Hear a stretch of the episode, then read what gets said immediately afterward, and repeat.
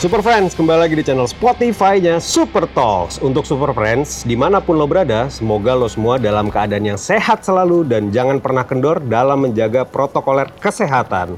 Di Super Talks kali ini, gue sedang bersama seorang yang punya banyak banget pengalaman di dunia musik dan industri kreatif seorang mantan jurnalis musik majalah Rolling Stone yang juga merupakan manajer band beroktan tinggi ini punya banyak pengalaman seru dari kehidupan masa remaja, musik, hobi nulis, liputan konser, sampai bisnis yang sedang dia jalankan.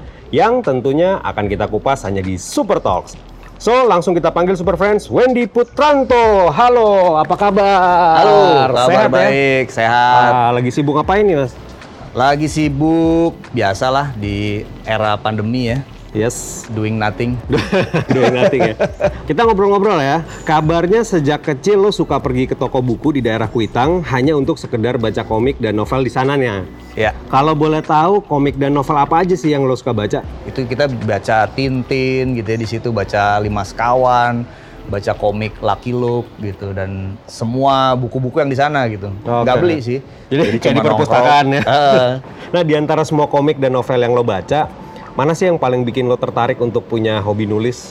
Gua sih sebenarnya nggak tertarik hobi nulis gara-gara Baca novel komik. dan Oke. komik ya. Hmm. Tapi kalau menjadi penulis dan bikin sesuatu yang berhubungan dengan artikel tulisan itu lebih karena memang gue suka baca koran ya, Hmm. baca majalah. Selain nulis, lo juga udah suka sama musik cadas dari SMP. Ya, Apa aja sih yang lo suka dengerin zaman-zaman itu? Itu band-band seperti eh, Halloween dulu ya, Guns N' Roses. Hmm. Kemudian ada Sepultura, Metallica, ada Iron Maiden, Creator gitu ya. Hmm. Terus ada Sodom, ada EMKA.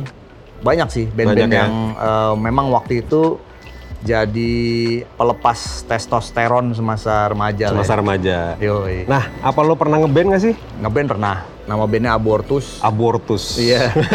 Kita Cadas. bawain Metallica, bawain Sepultura, ya. bawain Creator juga. Ini belakangan ini nih ada berita soal Travis Barker sama Kourtney Kardashian yang dicap sebagai poser sama Chris Barnes, ex vokalisnya Cannibal Corpse.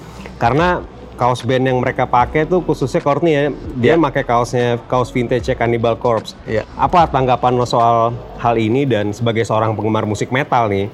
Menurut lo wajib nggak sih hukumnya untuk kita tahu dan dengerin bahkan hafal sama lagu-lagu band yang kita pakai merchandise-nya? Iya, gue hidup di era seperti itu ya, di era di mana dogmanya waktu itu bilang kalau lo pakai kaos eh, sebuah band, lo harus tahu juga musiknya, Hmm. lo harus tahu juga lagunya, dan bahkan lo harus baca juga liriknya. Liriknya. Jadi bukan eh, menjadi poser gitu ya. Jadi gue berada di timnya Chris Barnes gitu ya, dan eh, selalu menjunjung tinggi itu gitu. Yuk kita ke sana yuk. Oke. Apa sih yang melatar belakangi lo untuk senang nulis tentang musik gitu? Ya yang pasti kalau dari sisi eh, pengalaman ya, gue dari kecil tuh memang selalu hidup bersama musik gitu. Jadi zaman bokap gue mau berangkat kantor dulu ketika kecil itu dia selalu eh, nyetel, Nyetel musik lagu ya? gede-gede. heeh. Di dalam bawah sadar tuh kayaknya emang udah didoktrin seperti itu. Dan akhirnya ketika lo eh, dewasa, lo dengan gampangnya mengenal eh, musik-musik Musik, ya. rock yang lain gitu ya. Iya. Nah ini yang awalnya kemudian membuat wah senang juga ya hidup di musik gitu ya. Awalnya kan memang jadi pengen jadi rockstar lah ya, tapi nggak kesampaian. Akhirnya ya udahlah mungkin ada cara lain untuk bisa hidup dari musik ya kenapa nggak jadi penulis musik. Masih inget gak sih tulisan tentang apa yang lo buat eh, untuk jadi mading waktu sekolah dulu? Eh, jadi satu tulisan yang gue masih inget banget itu adalah Sepultura. Sepultura. Gitu. Itu tahun 91 kalau nggak salah ya. Udah gue bikin aja tuh eh, riwayat dari Sepultura, ya sejarahnya. Foto-fotonya gue potong dari majalah Hai karena gue langganan majalah Hai dulu. gue layout sendiri di karton Manila ya warna biru gitu. Benar-benar ditulis tangan. Gue tempel deh tuh di sekolah. Gak ada yang respons sih selain gue sendiri, tapi gue bangga banget waktu itu. Nah, tadi kan juga lo sempat cerita tuh ada motong-motong eh, berita-berita yang ada di majalah Hai untuk Iya. menjadi mading. Apa sih tantangan yang lo hadapi ketika menyadur berita dan menulis tentang band internasional seperti tadi Sepultura dengan acuan referensi yang mungkin masih terbatas, bahkan belum ada internet pada waktu itu. Iya, Eh, bener belum ada internet. Iya. Poin yang paling penting karena waktu itu eh, kita bener-bener berkiblat ke majalah Hai gitu ya. Eh, itu yang membuat kita terpacu gitu ya dan terinspirasi gitu. Kita Oke. lihat wartawan-wartawannya waktu itu liputan eh, ke luar negeri ya. Nah akhirnya setelah itu gimana tuh ceritanya lo bisa jadi seorang jurnalis di majalah musik Rolling Stone? Iya, jadi sebelum uh, gue di majalah Rolling Stone, memang gue bikin Brainwash dan Brainwash mengantarkan gue ke karir-karir di jurnalisme musik, Musik, berikutnya gitu ya.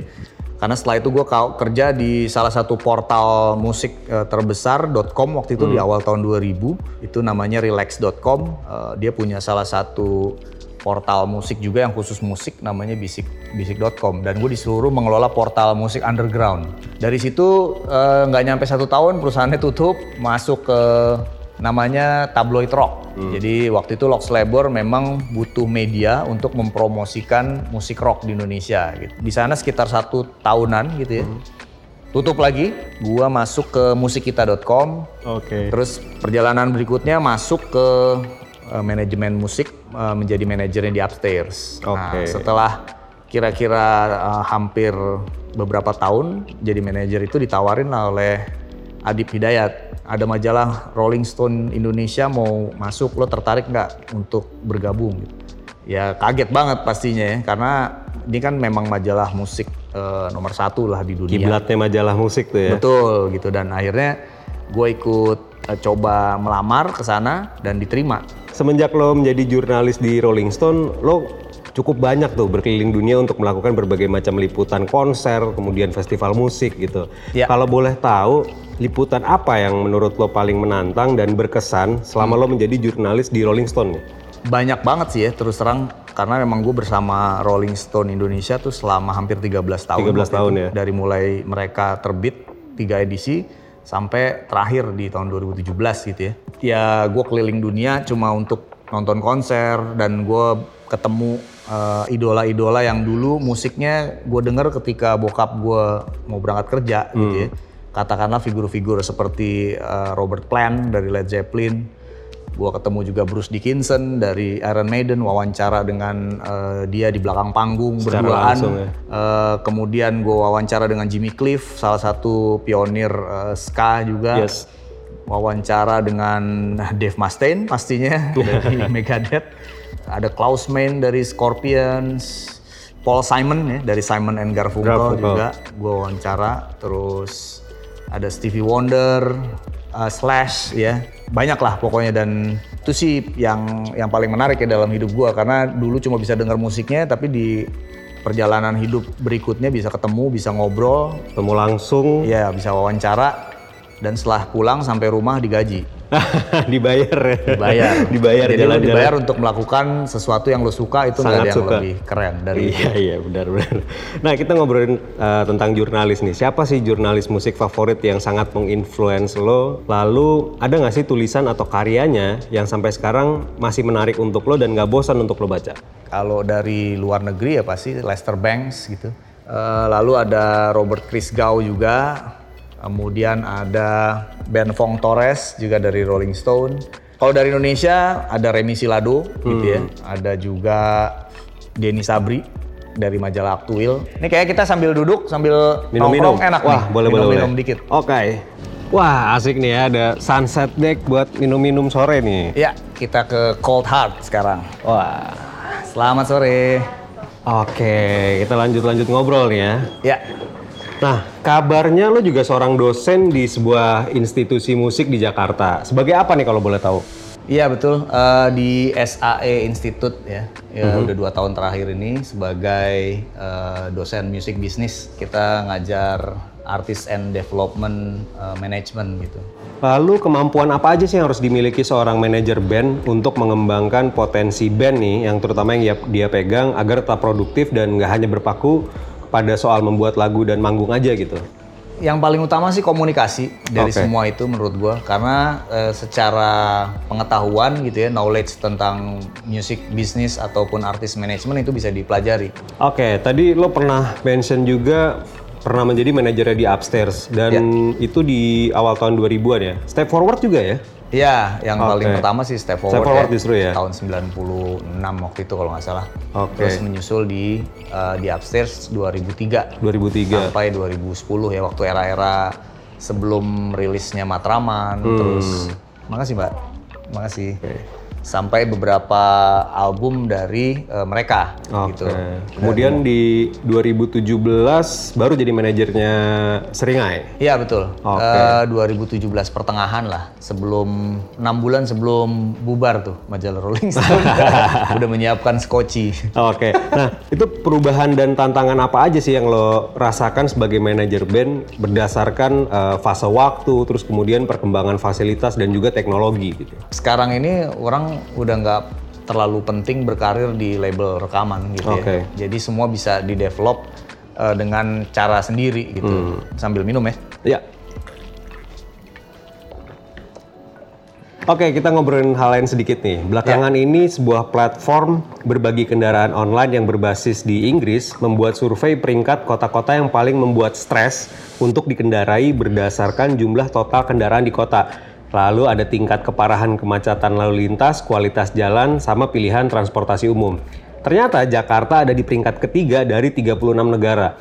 Gimana nih menurut lo soal hal ini? Apakah faktor jumlah kendaraan atau cara orang berkendara yang membuat kemacetan ada di Jakarta? Ya menurut gua kemacetan itu adalah eh, identitas, eh, ibu kota kita.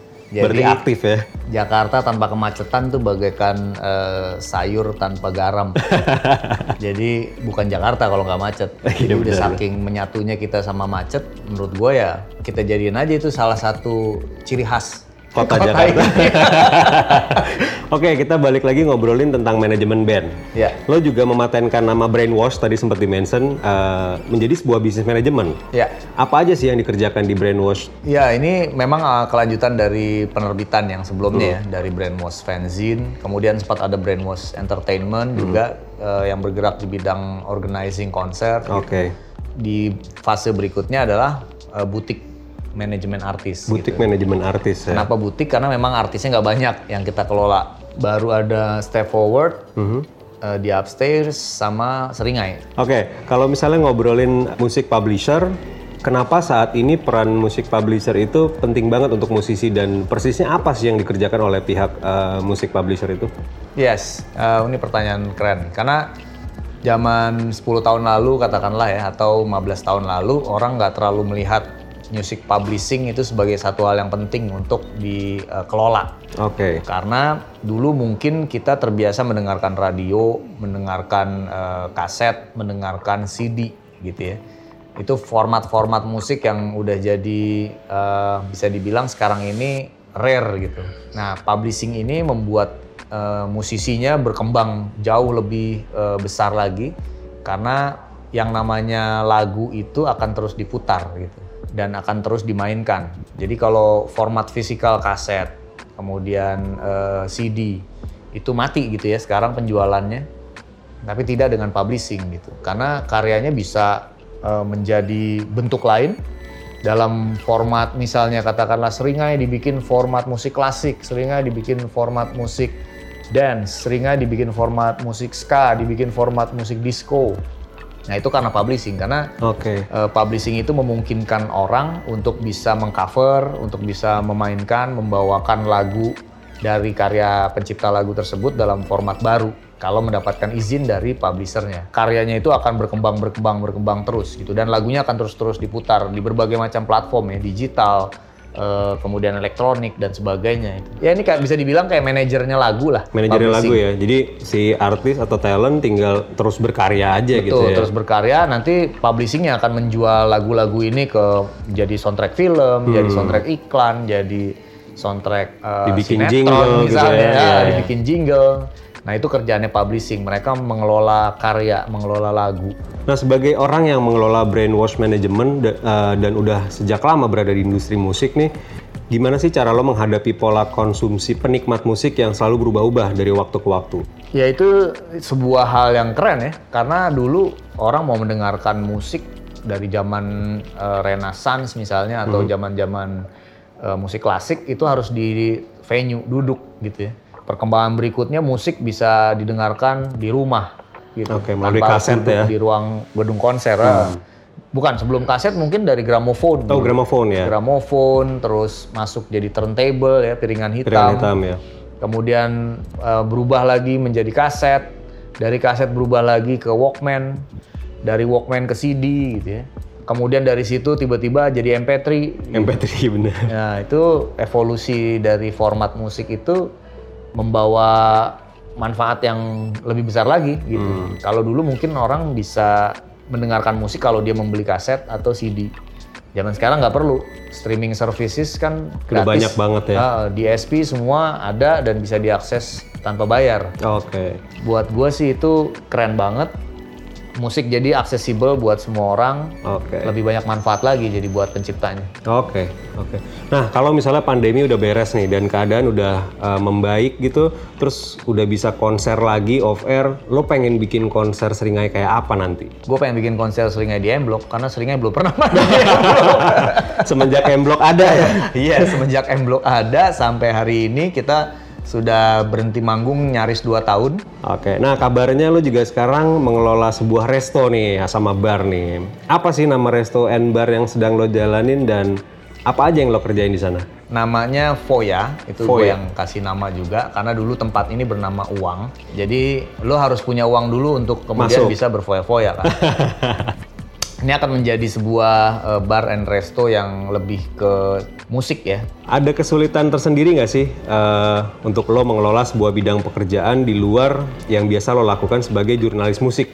Ya, basically sih masih di bidang yang sama kan, entertainment gitu Entertainment, ya. Karena eh, restoran dan bar juga masih di bidang kreatif juga, masih di bidang eh, entertainment juga. Jadi eh, lebih ke event, lebih ke programming dan bagaimana membuat tempat itu eh, punya vibes yang eh, relate ya dengan anak-anak muda, dengan ekosistem musik gitu. Jadi basically sih nggak banyak hal yang berbeda sih Jauh dengan berbeda apa yang ya. udah dilakukan sebelumnya.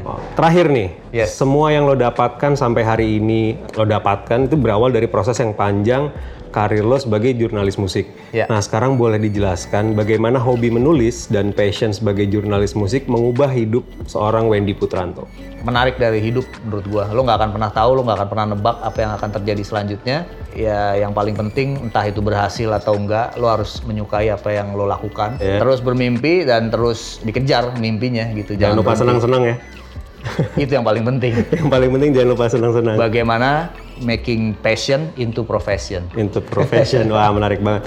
Nah, Super Friends, baru aja kita berbincang-bincang bareng Wens Rauk, aka Wendy Putranto nih tentang hobi baca buku uh, sewaktu kecil, terus kemudian perjalanan karir dari mulai nulis mading sampai jadi jurnalis musik dan juga sempat jadi manajer eh masih jadi manajer band malah sekarang manajer uh, band yang tadi udah disebutin juga hingga sekarang mengelola bisnis yang sangat menarik banget bisnis kuliner bar and resto nih. Thank you banget Mas Wendy udah meluangkan waktunya. Sama-sama. Kita Terima kasih banyak. pamit dulu nih.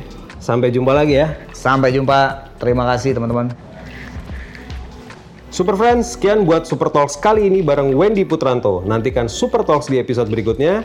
Stay tune terus di channel podcastnya Super Talks karena kita bakal terus ulik, korek, dan kepoin apa aja informasi seputar idola kesayangan lo yang lo belum tahu Super Friends. Jangan lupa juga untuk nonton Super Talks di channel YouTube Super Music. Terus lo tulis deh di kolom komentar siapa bintang tamu selanjutnya yang lo mau untuk kita datengin. Bye Super Friends!